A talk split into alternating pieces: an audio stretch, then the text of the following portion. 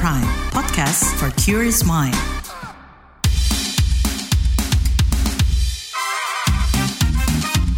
What's Trending KBR Pagi, siaran pagi radio paling update. KBR Pagi, siaran pagi radio paling update. Selamat pagi, Naomi Liandra di What's Trending. Hari ini Selasa 30 Januari 2024. Kita akan obrolin pagi ini soal viralnya skema bayar kuliah pakai pinjol. Saudara, pembayaran uang kuliah tunggal atau UKT untuk mahasiswa Institut Teknologi Bandung ITB menggunakan pinjol dana cita lagi jadi sorotan di media sosial. Ketua Kabinet KM ITB 2023-2024, Yogi Syaputra, bahkan menyerukan sikap penolakannya berikut ini. Di sini yang perlu saya perjelas pertama, bahwasannya sebenarnya beberapa narasi yang ada di media ini, saya pikir ini sebenarnya ada keliru Kang. Karena masalah utama yang saat ini dirasakan oleh teman-teman di KM ITB, itu bukan merupakan masalah pinjaman online semata, namun lebih ke masalah uh, terdapatnya kendala pada pembayaran uh, UKT atau tunggakannya itu sendiri.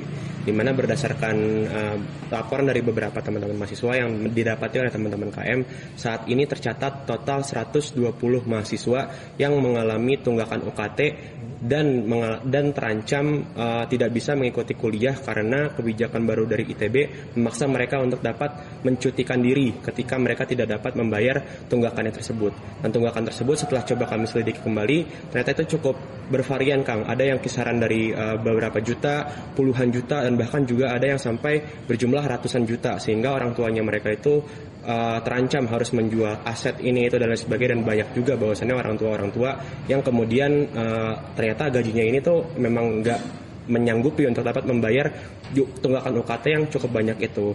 Dan di situ kemudian ITB mencoba untuk memberikan solusi dengan salah satunya memberikan uh, pinjaman online yang di, melalui Dana Cita sebagai tercantum di belakang saya ini.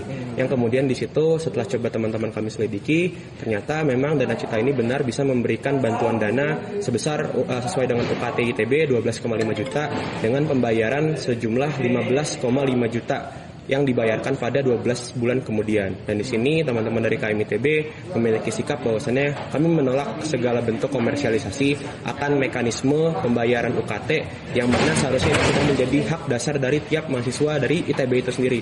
Karena kita selalu dibilang oleh senior-senior kami, kami selalu dikatakan oleh uh, abang kakak kami bahwasannya tidak ada sejarahnya di sini ITB tidak membolehkan uh, mahasiswa untuk berkuliah karena masalah finansial. Hmm. Baru kali ini hal ini terjadi dan maka dari itu teman-teman dari KMITB di sini menyatakan menolak dengan tegas.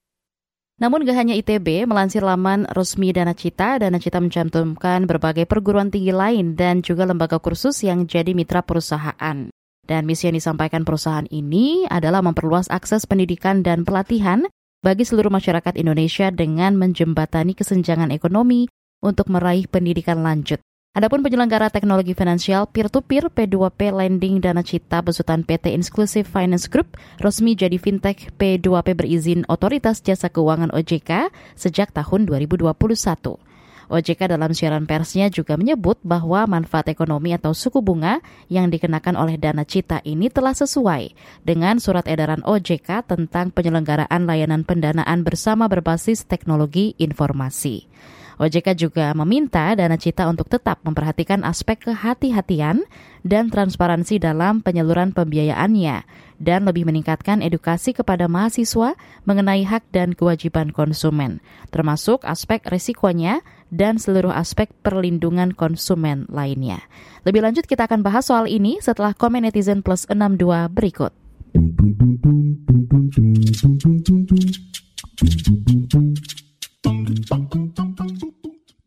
Yang pertama ada dari Edwook XX.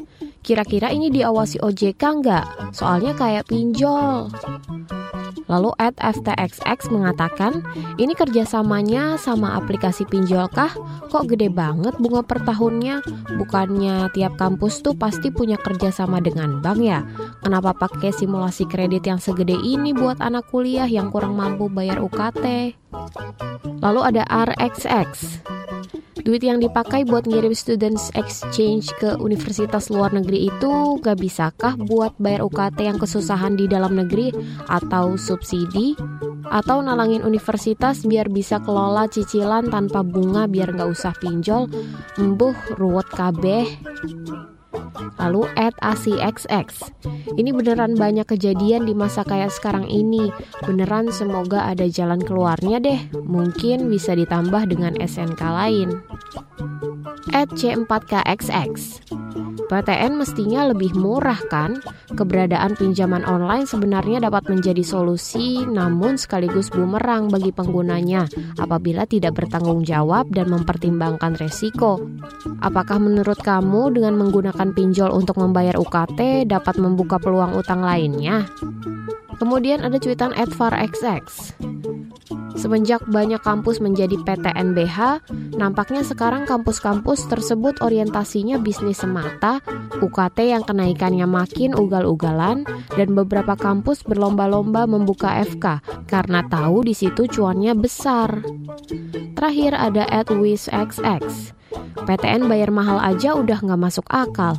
PTN supposed to be menjangkau semua, semua kalangan bukan jadi mahal. Aneh. What's Trending KBR Pagi, siaran pagi radio paling update. Masih di What's Trending KBR Pagi, hari ini bareng Naomi Liandra kita masih ngobrolin soal viralnya skema bayar kuliah pakai pinjol. Wakil Ketua Komisi 10 DPR RI, Dede Yusuf, dilansir Detik News juga mengaku nggak setuju dengan sistem menggunakan aplikasi pinjaman online. Karenanya, Dede Yusuf meminta kampus-kampus perguruan tinggi negeri Badan Hukum PTNBH untuk segera membuat konsep student loan atau pinjaman mahasiswa dengan bunga 0% dengan menggandeng bank negara. Dan soal ini juga Kepala Biro Komunikasi dan Hubungan Masyarakat ITB, Naomi Haswanto, menjelaskan untuk metode pembayaran, ITB memberikan banyak pilihan yang dilayani oleh beragam bank, mulai layanan virtual account, kartu kredit, sampai melalui lembaga non-bank khusus pendidikan yang sudah terdaftar dan diawasi oleh OJK. Nah, khusus bagi mahasiswa yang mengalami kendala pembayaran UKT, ITB melalui Direktorat Kemahasiswaan ITB juga menyediakan prosedur pengajuan keringanan UKT dan cicilan UKT pada setiap semester bagi mahasiswa. Sementara itu, Koordinator Nasional Jaringan Pemantau Pendidikan Indonesia JPPI, Ubaid Matraji, menilai skema cicilan pembayaran uang kuliah lewat pinjaman online merupakan bentuk privatisasi dan komersialisasi. Menurutnya kampus jadi kayak perusahaan yang mengejar keuntungan. Nah, ngomongin soal ini kita akan tanyakan lebih lanjut, bagaimana nih tanggapannya soal bayar kuliah bisa pakai pinjol? Kalau dulu masyarakat belum mampu mengimajinasikan bagaimana komersialisasi dan privatisasi pendidikan itu terjadi, lah ini gambaran konkret ya, bagaimana privatisasi dan komersialisasi di perguruan tinggi. Jadi perguruan tinggi bekerja sama dengan pinjol untuk kepentingan e, pungutan-pungutan di perguruan tinggi. Jadi ini adalah bentuk nyata komersialisasi privatisasi dalam perguruan tinggi. Ini akibat dari pemerintah melepaskan tanggung jawabnya sebagaimana dalam Undang-Undang Dasar 45 dalam mencerdaskan kehidupan bangsa. Jadi status perguruan tinggi menjadi PTNBH itu adalah bukti nyata pemerintah melepaskan tanggung jawabnya yang mulanya PTN itu adalah menjadi tanggung jawab pemerintah kemudian diserahkan kepada mekanisme pasar. Lah, ketika kampus PTNBH ini diberikan otonomi untuk memberikan dan menarik berapa besaran iuran dan juga diperbolehkan dalam berbisnis, maka kerjasama PTNBH dengan pinjol itu adalah sesuatu yang eh, terjadi di mana-mana di kampus banyak kampus terjadi itu ya. Dampaknya jika pakai pinjol lewat pinjol, apakah ini solusi bagi mahasiswa yang kesulitan bayar UKT?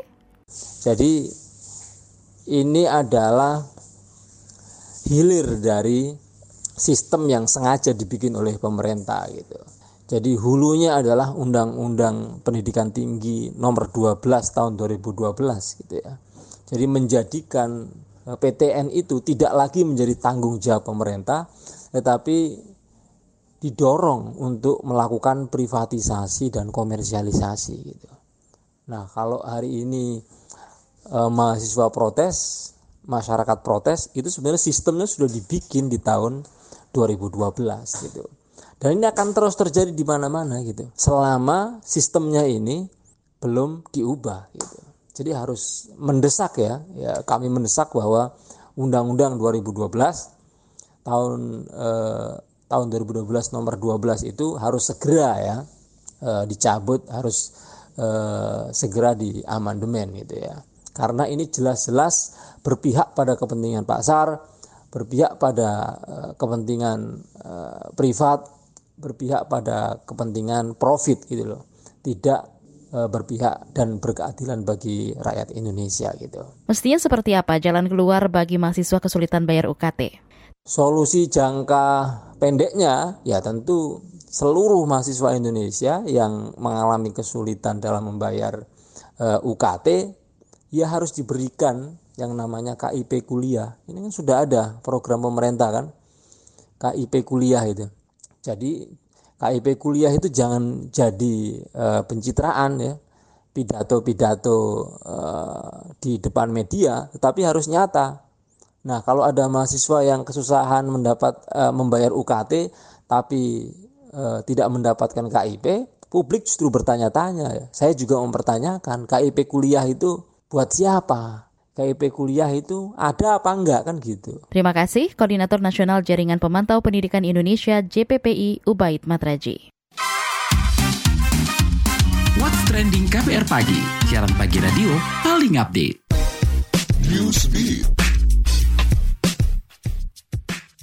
Malaysia sedang mempertimbangkan untuk memperpanjang masa tinggal dua panda raksasa, Xing Xing dan Liang Liang di kebun binatang negara itu.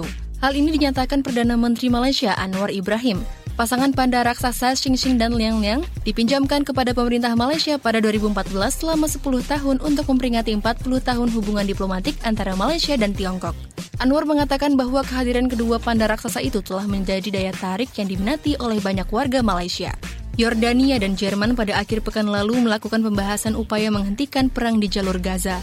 Menteri Luar Negeri Yordania Aiman Safadi dan Menlu Jerman Annalena Baerbock membicarakan hal itu di ibu kota Aman sebagai bagian dari kunjungan resmi ke kerajaan itu. Mereka menekankan pentingnya menghormati aturan hukum internasional dan kemanusiaan dan perlunya memastikan perlindungan bagi warga sipil. Baerbock menekankan pentingnya gencatan senjata kemanusiaan sekarang untuk kemudian mencapai gencatan senjata berkelanjutan yang pada akhirnya membebaskan Sandra. Tiongkok mengalami peningkatan luar biasa dalam jumlah perjalanan penumpang sejak Jumat lalu, seiring dimulainya mudik libur Imlek atau festival musim semi tahun ini. Sebanyak 189 juta perjalanan penumpang tercatat di seluruh negara itu pada Jumat atau meningkat 19,7 persen dari tahun lalu. Selama arus mudik, ratusan juta orang akan melakukan mudik dan berkumpul kembali bersama keluarga dan teman mereka di kampung halaman. Liburan festival musim semi tahun ini di Tiongkok akan berlangsung dari 10 hingga 17 Februari.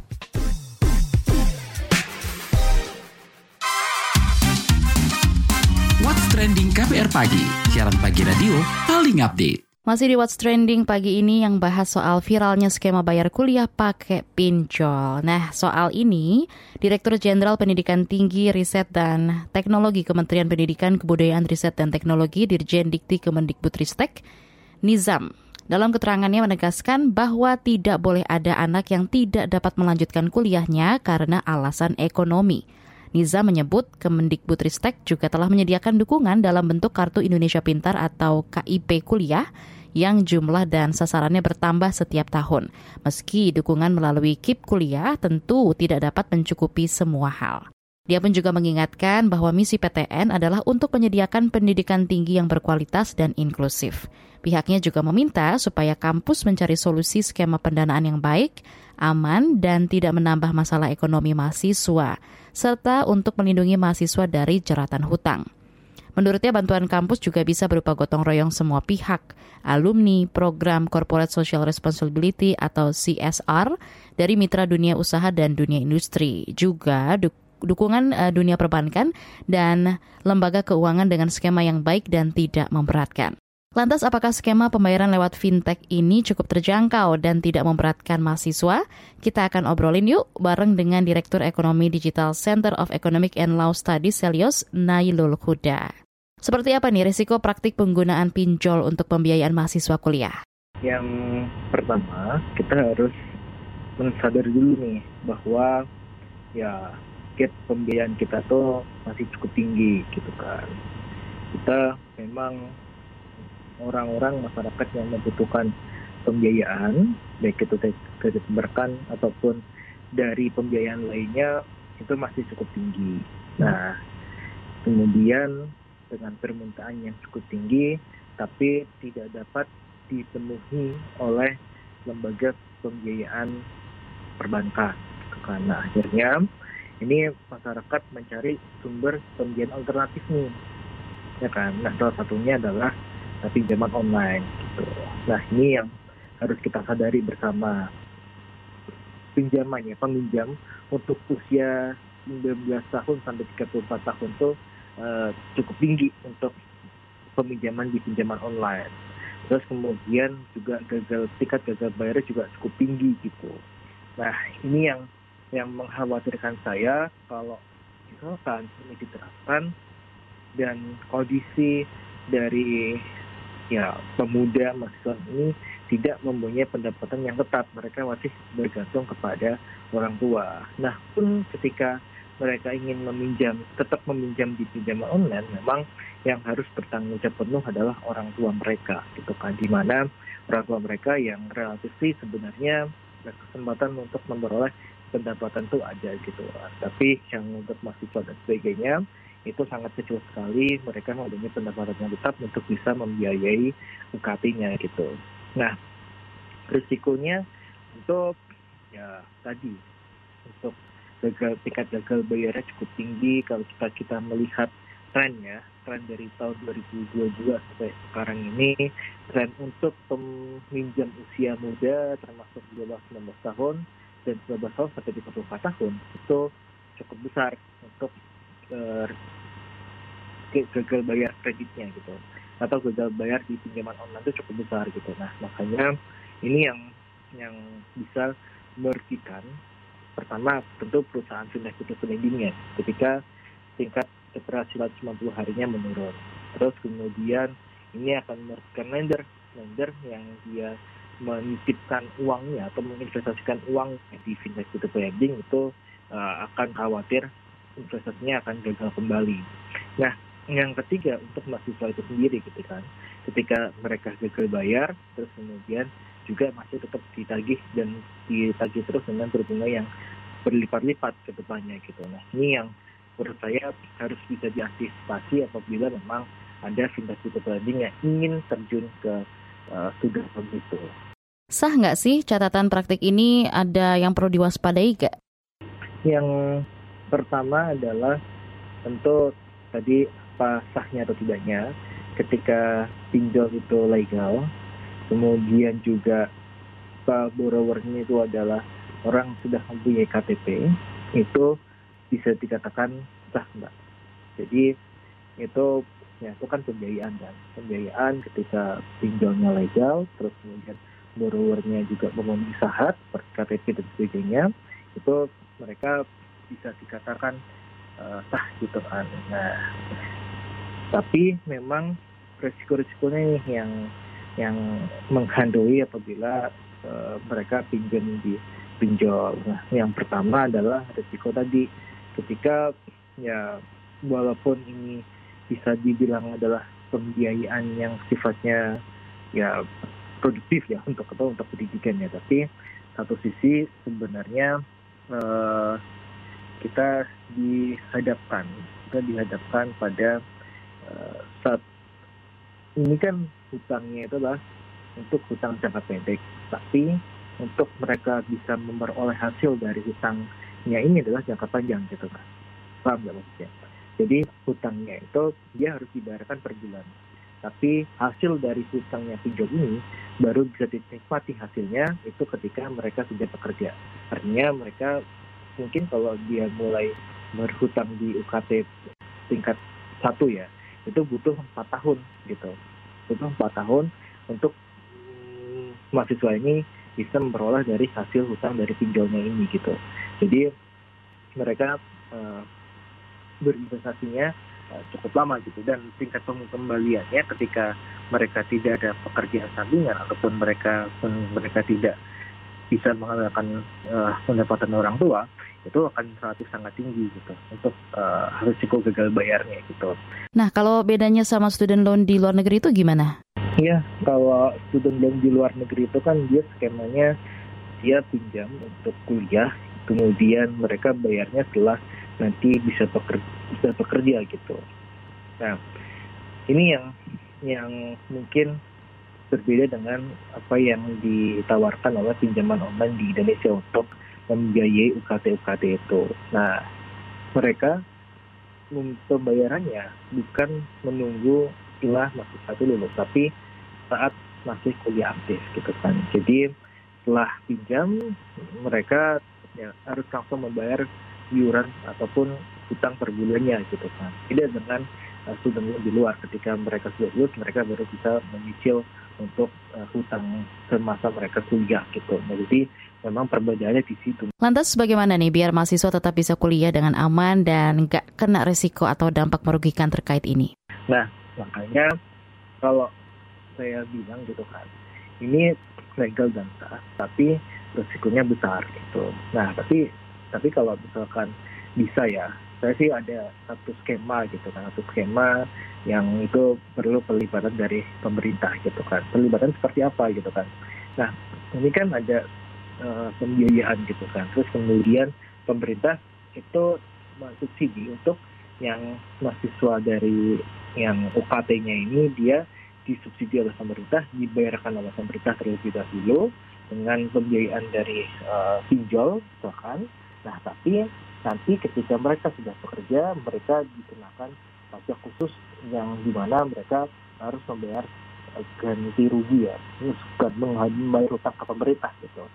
Jadi skemanya pemerintah bisa menutupi di awal, tapi mereka pemerintah itu uh, bisa mendapatkan benefit ketika mereka sudah lulus sebenarnya. Sama seperti yang ditetapkan di luar negeri, loan-nya, tapi loan-nya uangnya uang dari uh, dari Cina ditutupi lagi atau pinjol tapi dibayarkan oleh pemerintah. Gitu itu bisa saja sebenarnya. Tapi yang jelas sih sebenarnya uh, pembelian kita cukup rendah. Permintaan untuk student loan tuh ada gitu. Nah makanya uh, pinjol itu dia masuk ke segmen tersebut gitu kan nah makanya ini uh, harus hati-hati itu sih mbak.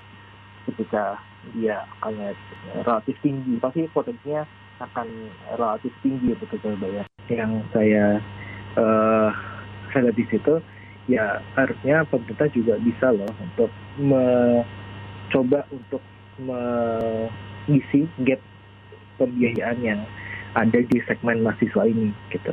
Entah pakai student loan secara langsung pemerintah langsung ke uh, kampusnya atau bisa melalui uh, pembiayaan melalui fintech to lending yang itu juga ada intervensi dari pemerintah di situ. Sebenarnya itu bisa saja dilakukan. Oke, terima kasih. Itu dia tadi Direktur Ekonomi Digital Center of Economic and Law Studies Selios Nailul Huda. What's Trending KPR Pagi, siaran pagi radio paling update.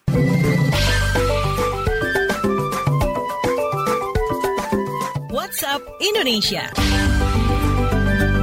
WhatsApp Indonesia dimulai dengan berita seputar pemilu. Komisi Pemilihan Umum KPU memastikan bakal menjamin hak penyandang disabilitas dalam menggunakan hak pilih di pemilu 2024. Komisioner KPU RI Idam Holik mengatakan, salah satunya dengan menyiapkan template atau alat bantu bagi tunanetra untuk surat suara pemilu presiden dan pemilu DPD. Ia menjelaskan Undang-Undang Pemilu secara jelas menyebut pemilu harus memperhatikan hak dipilih dan memilih disabilitas. Pada pemilu 2024, KPU mencatat ada lebih dari 1,1 juta orang penyandang disabilitas masuk daftar pemilih tetap. Jumlah ini sekitar 0,54 persen dari total pemilih nasional yang berjumlah 204 juta orang. Selanjutnya menuju Yogyakarta, DPRD DIY mendesak pemerintah daerah Pemda DIY untuk segera merealisasikan pembangunan destinasi wisata sejarah. Ketua Komisi A DPRD DIY, Eko Suwanto mengatakan, pembangunan destinasi wisata sejarah ini penting mengingat Pemda DIY gencar melakukan sejumlah pembangunan infrastruktur. Mulai dari pembangunan kawasan jalur jalan lintas selatan JJLS, pembangunan toilet bawah tanah sebesar 5,7 miliar rupiah, hingga pembelian ex Hotel Mutiara sebesar 170 miliar rupiah untuk UMKM. Pemda DIY kata Eko, mestinya lebih serius mengembangkan destinasi wisata sejarah. Anggaran pun harus dikucurkan tak hanya untuk membangun, namun juga merawat destinasi tersebut. Eko mengungkap, kajian dan penelitian perlu dilakukan secara mendalam untuk pembangunan destinasi wisata sejarah. Peraturan daerah Perda pun juga dibutuhkan sebagai payung hukum dalam pelestarian nilai-nilai sejarah bangsa yang berawal dari DIY. Terakhir ke berita olahraga. Menteri Pemuda dan Olahraga Dito Aryo Tejo menyebut, torehan sejarah skuad Garuda di Piala Asia 2023 bisa menjadi momen transformasi sepak bola Indonesia. Dengan dukungan pemerintah dan kerjasama banyak pihak, timnas bakal mampu berprestasi di level dunia. Hal itu dinyatakan Menpora Dito Aryo Tejo usai acara nonton bareng laga Indonesia versus Australia di Kemenpora hari Minggu lalu. Dalam pertandingan tersebut, tim Merah Putih kalah telak 0-4 dan tersingkir dari Piala Asia 2023. Meski demikian, Tito mengapresiasi timnas yang mampu menorehkan sejarah lolos ke 16 besar untuk pertama kalinya. Sebelumnya, timnas mengukir sejarah di Piala Asia dengan lolos ke babak 16 besar untuk pertama kalinya. Pasukan Garuda lolos usai jadi peringkat 3 terbaik dengan perolehan 3 poin dari 3 pertandingan yang dimainkan. Presiden Republik Indonesia Joko Widodo Jokowi mengatakan lolosnya timnas sepak bola Indonesia ke babak 16 besar Piala Asia 2023 sebagai sejarah bagi pesepak bolaan nasional. Demikian WhatsApp Indonesia hari ini. Terima kasih ya sudah mendengarkan What's Trending KBR Pagi. Jangan lupa terus dengarkan podcast What's Trending di kbrprime.id dan aplikasi mendengarkan podcast lainnya.